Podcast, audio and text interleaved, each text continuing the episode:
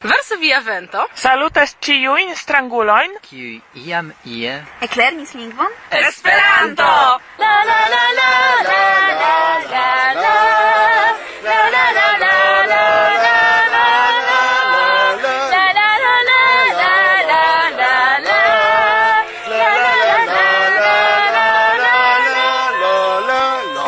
Varsovia vento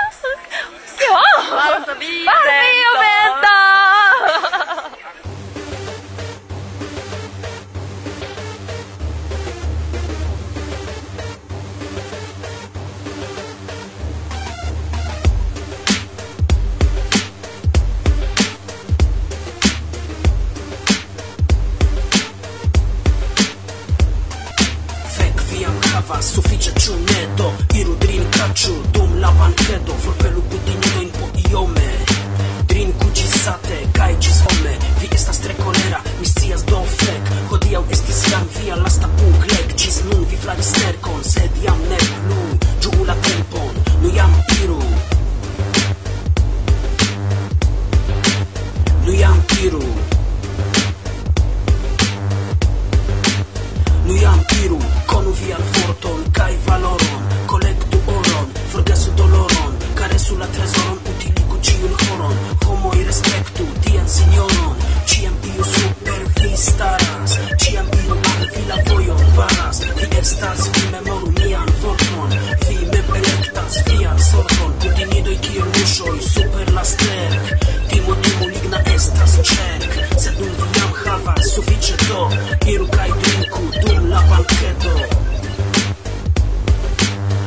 High Game Kulturla Bankedo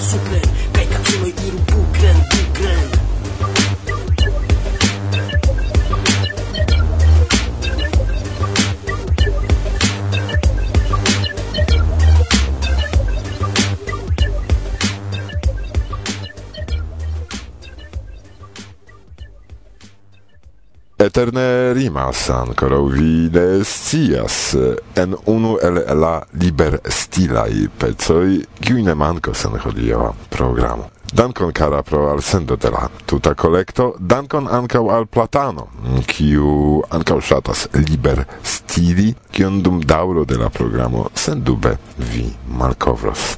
Saluton karaj, denove pro abundo de la organiza laboro pri la tria, ies, dume la programo iam pli longa ol kutime, ĉar post pli longa ol du aŭ tri semajnoj periodo sed la lasta antaŭ la somera pauzo aŭ antaŭ lasta, kio fakte dependas de vi, de via interesiĝo, ĉar por ni komenciĝis jam somero kaj la klubanoj baldaŭ disiĝos al diversaj reklamataj de ni esperantistaj renkontiĝoj. Ankaŭ mi kun Martusia post tri semajnoj sursidos biciklojn por ke tra Ĉeĥio, Aŭstrio kaj Slovakio atingu Hungarion. Do decidu ĉu antaŭ la forveturo ion ni registru kaj metu en la reton ankoraŭ unu programon aŭ ĉiuj ni pacienca atendu finon de la somero dum kiam denove eksonos la programoj de Varsovia vento elsendoj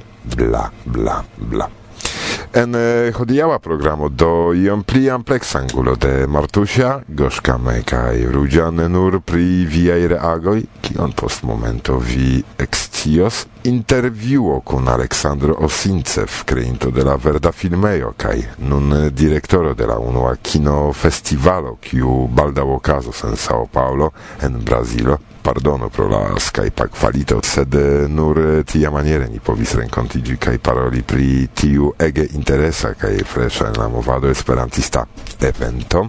En la dua parto atendas vin du son raportoj, unu recte la somera sideo de Varsovia vento, kiun dum dauro de kelktaga seminario en Varsovio visitis por distre vesperumi cune cune ni pli ol tridec esperantistai ge geskoltoj, kaj la dua recte el cubo, en kiu Ari racontos al vi pri la lastai okazaĵoj en la Cariba insulo. La programon finos iom historia babilado de la knabino ilige kun presentado de la verko el la verda biblio kaj tio ci shaine estas iam cio. Iom pli horo de aŭskultado do karaj la sepdekdua programo de Varsovia Vento. Bon venon. Varsovia Vento La podcasto mia ciam bona momento Varso via vento La orgasmo radia mi ne havas tro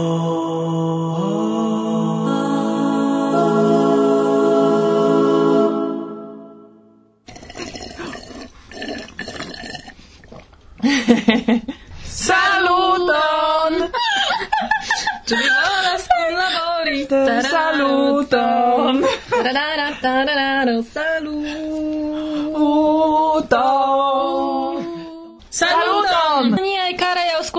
atentoj, hodiaŭ ni registras la sesdekduan elsendon. ach mi ne rememore. Eh, Kion eh, vi ne? Mi kai vi ne rimarkis, ke tie longe jam ni estas kune. Kune Oh yeah. No fakte, Varsovia vento. Bla bla bla. Yes, bla bla. Bla bla bla. Kaj, okay. Eh, me me me. Hodiaŭ mi estas sata, do tuj ni povas fari nian plezuron. Nekredeble! Vi satas? Kio okazis? Ah, mi trovis bonegan priskribon kiel fari simplan kaj bongustan deserton. Jam. Ja, ja. Ne eblas. Mm, eblas, eblas, simpla bon gusta deserto existas. Eh, existis. Mi ne pensis pri gia existado, sed pri tio, ke vi mem klopodis fari gin. Ne gravas. Por mi estas grave, kiel vi gin ne kunportis. Heu? No, ne suficius por la aliai. Apenau por mi suficis. Manĝegulino! Mi intensis ke ankaŭ vi gustumu, sed tamen verdire, bedaŭrinde, eh, survoje mi formanĝis gin manierojn. Diru kio tio estis. Kiel vi faris la simplan kaj bongustan deserton?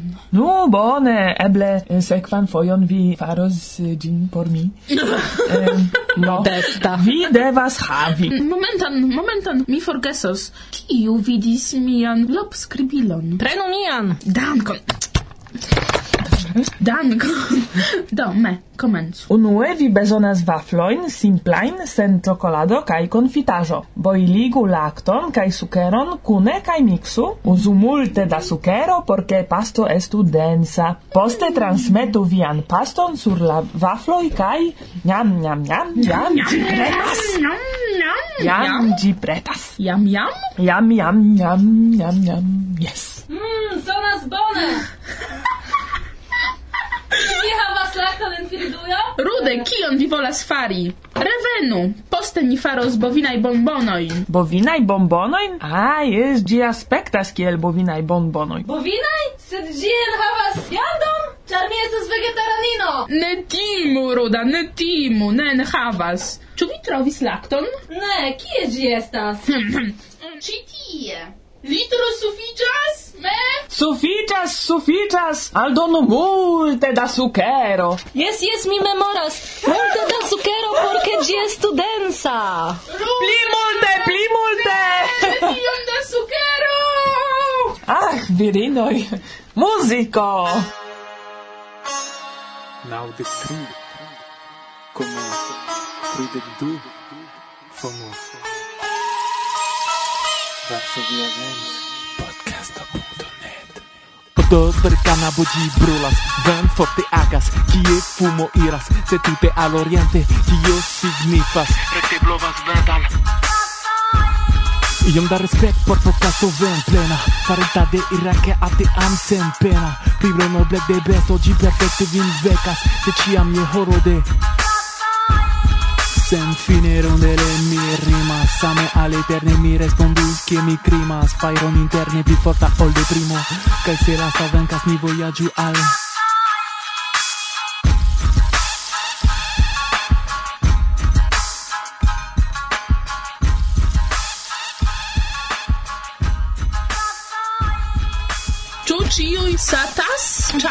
venas mia tempo. Mm. Eh, mi ec tro mangis mia stomaco. Ĉu vi deziras kurac karbon? Mm, ie mi havas ĝin.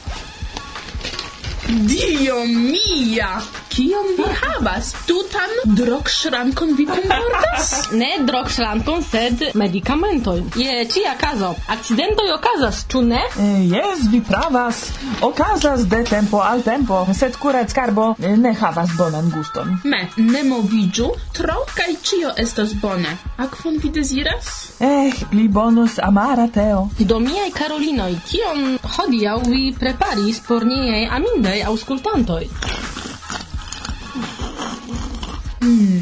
Compreneble ni presentos reagoin. Kai memoru ke aperos la kvara kai kvina parto de el la verda biblio. Yes, ni parolos pri Hector Hodler kai pri kontrakto de Helsinki kiu aperos en tiuj partoj. Vi pravas. Me, ĉu vi bon fartas? Ĉar vi vertiĝas. Bone, bone.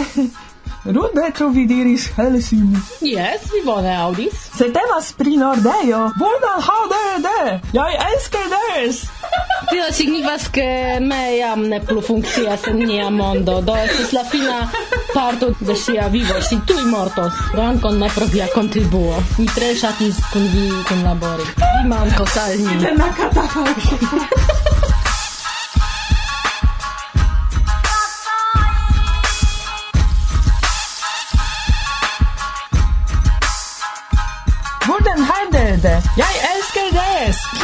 signifas, sed mi tute ne comprenas. Sed noskoj komprenas? Noskoj? Hmm, kie estas mia vortaro? Noskoj, noskoj, noskoj... Noskoj, mi ne povas trovi tiun vorton. Mm, ne serĉu, ĉar vi ne trovos. Nosko estas mia pikaresa nomigo por norvegoj, ĉar simple signifas norvega en norvega. Aha, ĉio klaras. Se ĉio klaras kaj norvegoj estas salutitaj, ni iras al komentojn, ĉu? Iru ni, sed hodiaŭ ne multe ni havas por legi. Me ne credas ne multe, ĉu ne plaĉas al niaj karaj aŭskultantoj nia podcasto? Plaĉas, plaĉas, ĉar eĉ dek kvar homoj markis per fingre jesoj en Facebook. Vizaĝibro. Ke oni estimas la elsendon. Ach, jes, Martusia, ĉu mi povas legi? Jes. Kial ne?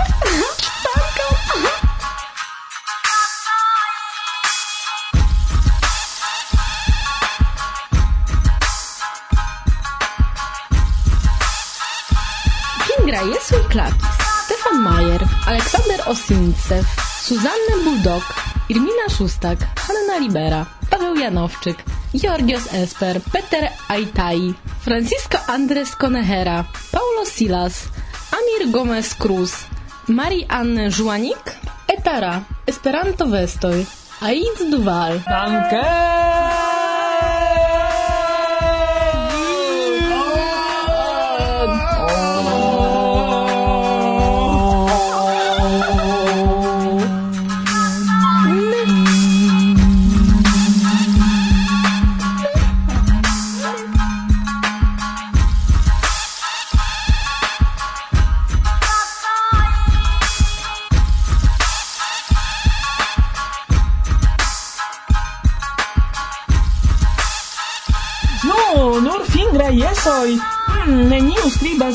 per vorto. Ne aperis almenaŭ simplaj salutoj ciao! Ne, ĉar vi ĉion formanĝis. Aperis unu, Carlos skribis: Saluton al Meksiko. Irek, via ĝardena domo estas tre ege bona. Mi ŝategos reiri kaj babili pri multaj aferoj de la vivo. Mi ĝojis la loĝadon. Brakumon el Meksiko al Varsovia vento. Haha, mi konas lin, mi konas lin. Mi konsentas, ke nia ĝardeno estas agrabla. Duono de mia libera tempo mi pasigas en kluba verdejo. Floroj, arboj, birdoj, abeloj, papiloj. Kuloj, muŝoj, fragoj, riboj, ĉerizoj, fungoj, plenfrukta ĝardeno kaj kvadrostado. Tio vere placas al mi. Ne, kiel via stomaco? Ah, eh, pli kai pli bone. Dankon. Do eble kolbaseton? Tutte freshan, basta Jaudo. Balda, balda. Nia cara Carlos, revenu al giardino. La pordo estas ciam malfermita por gastoj. Yes, varmajn salutojn el Pollando al Mexico. Carlos ankaŭ skribas simpatiaj vortoj. Mi ŝategus aŭskultigi la elsendon al niaj gesamidanoj en mia urbo. Dankon Carlos kaj daŭre aŭskultu nin. Meksiko, belega lando, dancoj sur plaĝo kaj bonaj homoj bonai kai charmaj kiel Carlos. Dankon Carlos pro via vizito en la klubo Verdejo. Mi rimarkis ke Carlos la Arca skribis ankaŭ: Saluton, karaj. Antaŭ ĉio, mi kore dankas vian varman gaston kaj mi gratulas al Irek pri la ĝardena domo. Estas tre ege komforta kaj ankaŭ mi demandas kiam mi povos aŭskulti la voĉon de la partoprenantoj de la pasinta semajno dum la skolta seminario. Mi ŝatus aŭskulti voĉon de Rocio, de Manuela, de Sasha, de Veronika, de Valer, de Lala, de Łukasz,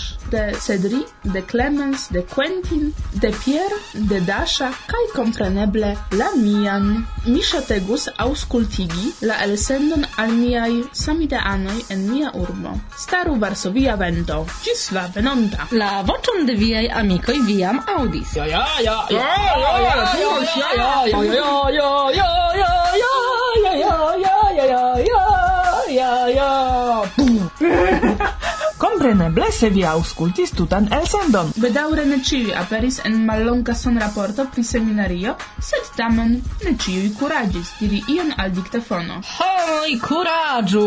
Antaŭen, antaŭen! Kuraĝu, ĉar eh, sekva elsendo estos nia lasta antaŭ la somera paŭzo. Vi havos lastan okazon komenti nian laboron, plezuron. Jes, jes, vi pravas.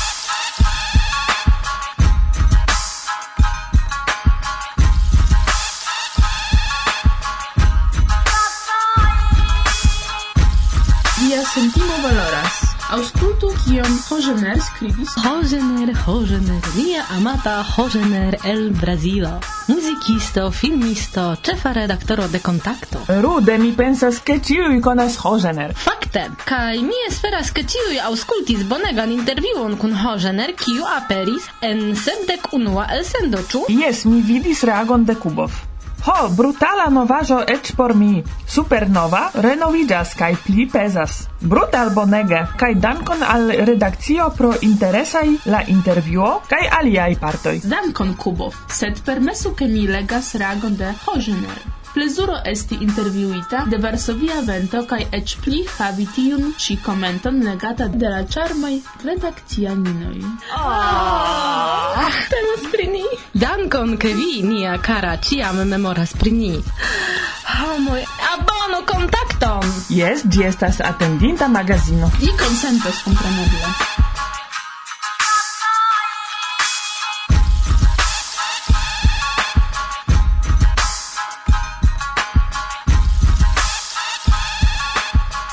sed ne nur Hogener ciam pri ni memoras. Georges Esper, li scribis Och, spiritoi de Varsovia vento! Kia bona surprizo! Mi giuis la etoson de muziko, de dialogoi, intervjuoi, de teatrajo, ca jen la demando. Kial ne?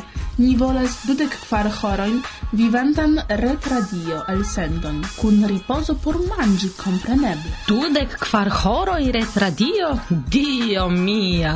Nek mi! Sed estos paŭzoj por manĝi!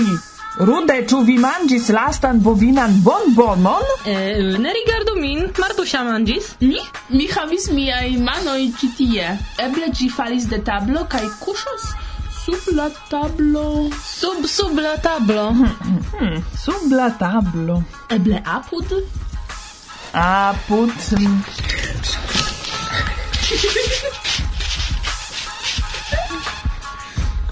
Rudziak? Martusia? Kie vi estas? Mia bovina bombono! Do per cana bugi brulas, ven forte agas, kie fumo iras, se tute al oriente, tio signifas, rekte blovas ventan. Iom da respect por podcasto ven plena, farita de irake ate am sen pena, pri noble de besto, gi perfecte vin vecas, se ciam je horo de... Sen fine rondele mi rimas Same all'eterne mi respondus Che mi crimas Fairon interne più forta ol de primo Kaj se la sa vencas mi vojaĝu al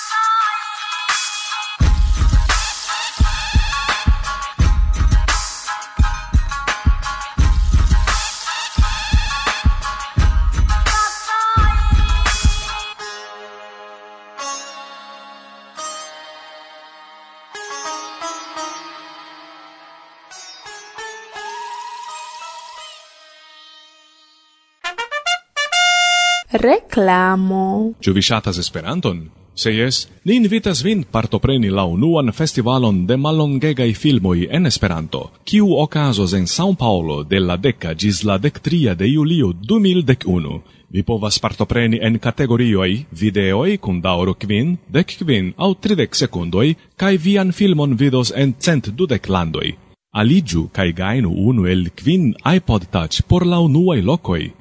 Por ricevi pli da informoi, visitu kinofestivalo.org. Mi estas Aleksandro Sincev, creanto kai kunordiganto de Verde Filmejo kai nun tempe kunordiganto de la unua Esperanta Kinofestivalo. En la movado esperantista konata vi estas pro la verda filmejo ŝajne la unua paĝo en la lingvo internacia dediĉita entute al la arto filma en Esperanto kaj elige kun Esperanto kaj videble via interesiĝo pri la temo mm, evoluis. Kio do estas la filma festivalo? La Verde filmejo estas bona afero, sed ni opinias ke la originala Esperanto kulturo devas esti subtenata. Do ni ŝatus fari la eventon pli grandan. Kino festivalo estas kultura evento La celo estas subteni Esperantan kinarton, motivigante aŭtorojn krei modernajn sonvidajn verkojn, montri praktikan utilon de internacia lingvo, ĉar oni multe parolas pri la ĝenerala utilo de Esperanto, sed oni malmulte kreas kulturon. Kino festivalo en la unua vico estas do kultura evento. Mi nomas ĝin festo de arto. Certe en la unua vico la festivalo estas filmo prezentado. Tiui filmoi ne gravas, ili povas esti esperantai filmoi. ili povas esti ne esperantai filmoi, sed gravas ke la esperantistaro konatiĝu kun moderna kinarto en Esperantujo kaj ekster Esperantujo temas do ankaŭ pri popularigado de Esperanto. Jes, comence kiam aperis la ideo, ĝuste la reklamado de Esperanto kiel neutrala helpilo au peranto estis la celo kaj poste la prezento de moderna Esperanta kinarto estas la dua celo. Krom tio, ĉar Esperanto la si mem estas neutrala, kiu forigas lingvain barojn, naciajn, ni volis che tio respeguligio ancau en la kinarto. Do la tria celo estas presenti sendependan kinarton, sen lingva politica au alia cenzuro. Kial sendependan, kaj kion fakte signifas eh, kinarto sendependa? Eh, multa estias, che existas grande studioi au firmaoi kai companioi en la mondo, kiu electas profitan ideon kai poste realigas cin productas por la mercato, por ricevi pli da mono, vendi pli da discoi kai tio ne estas sendependa kinarto.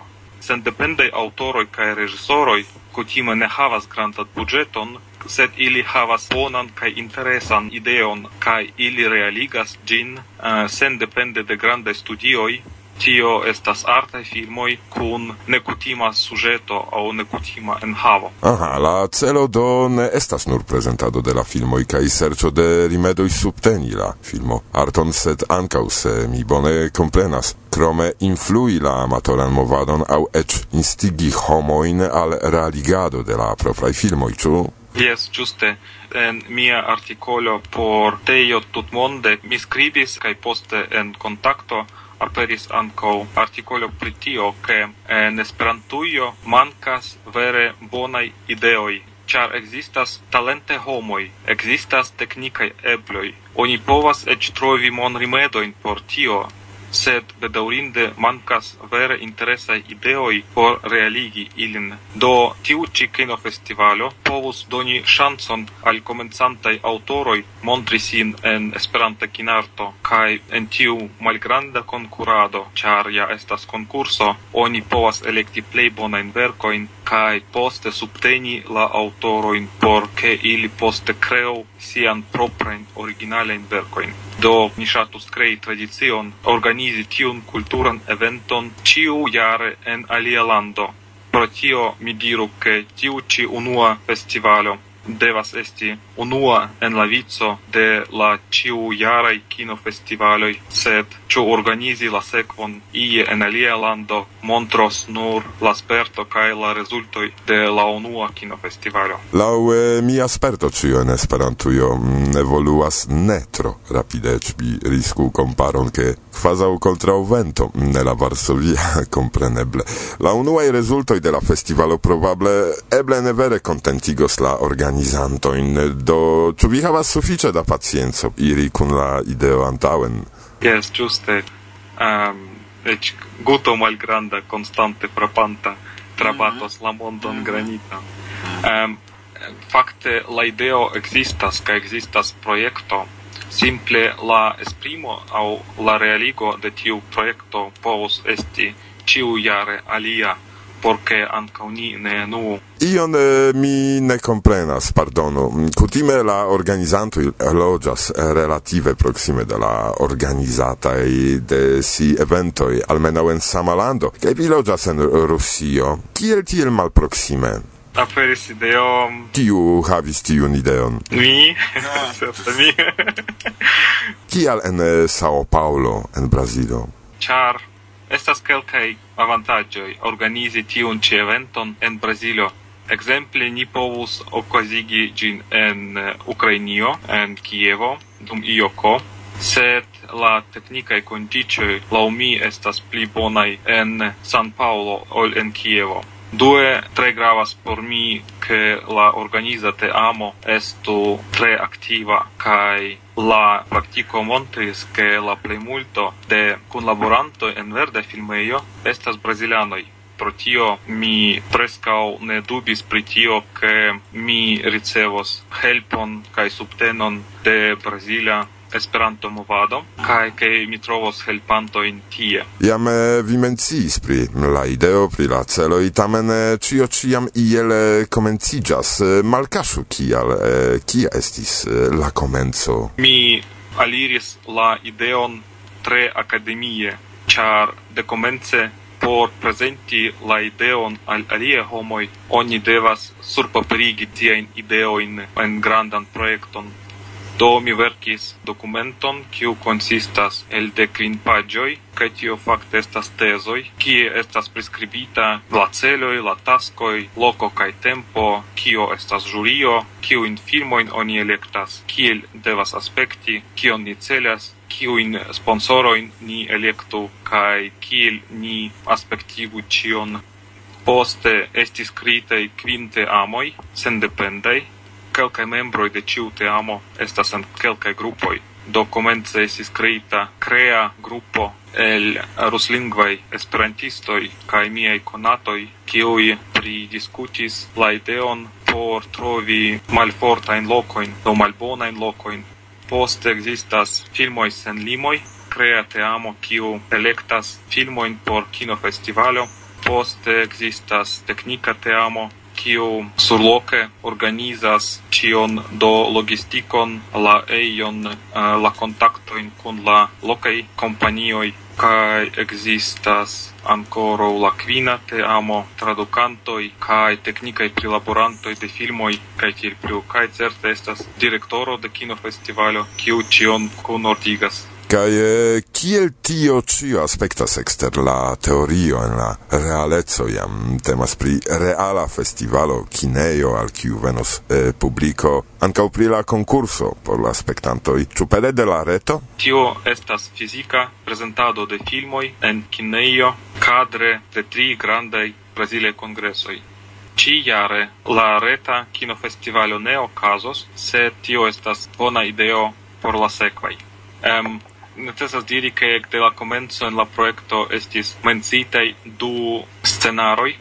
La unu oni devas presenti filmoin en vera kineio, kun eh, uh, multae locoi, to ĝis tricent kai devas esti solena malfermo kai solena fermo kun invititaj gastoi, kai tiel plu. La dua scenaro, kiu fakte nun realicias, estas iom pli modesta, la congresseio kie okazos tri congresoi en Brasilio, en San Paulo, existas granda amfiteatro kun 300 sed lokoj kai kun granda ekrano kai ciu tage do la festivalo okazos de la deca gis la dec tria de julio oni presentos filmoin el diverse programoi Reklamo. Kiel mi komprenis, verda filmejo kolektas filmojn. Yes. La verda filmejo filmo in kiu estis originale kreita en Esperanto, kun subteksto en Esperanto kaj dublita en Esperanto. Mi invitas vin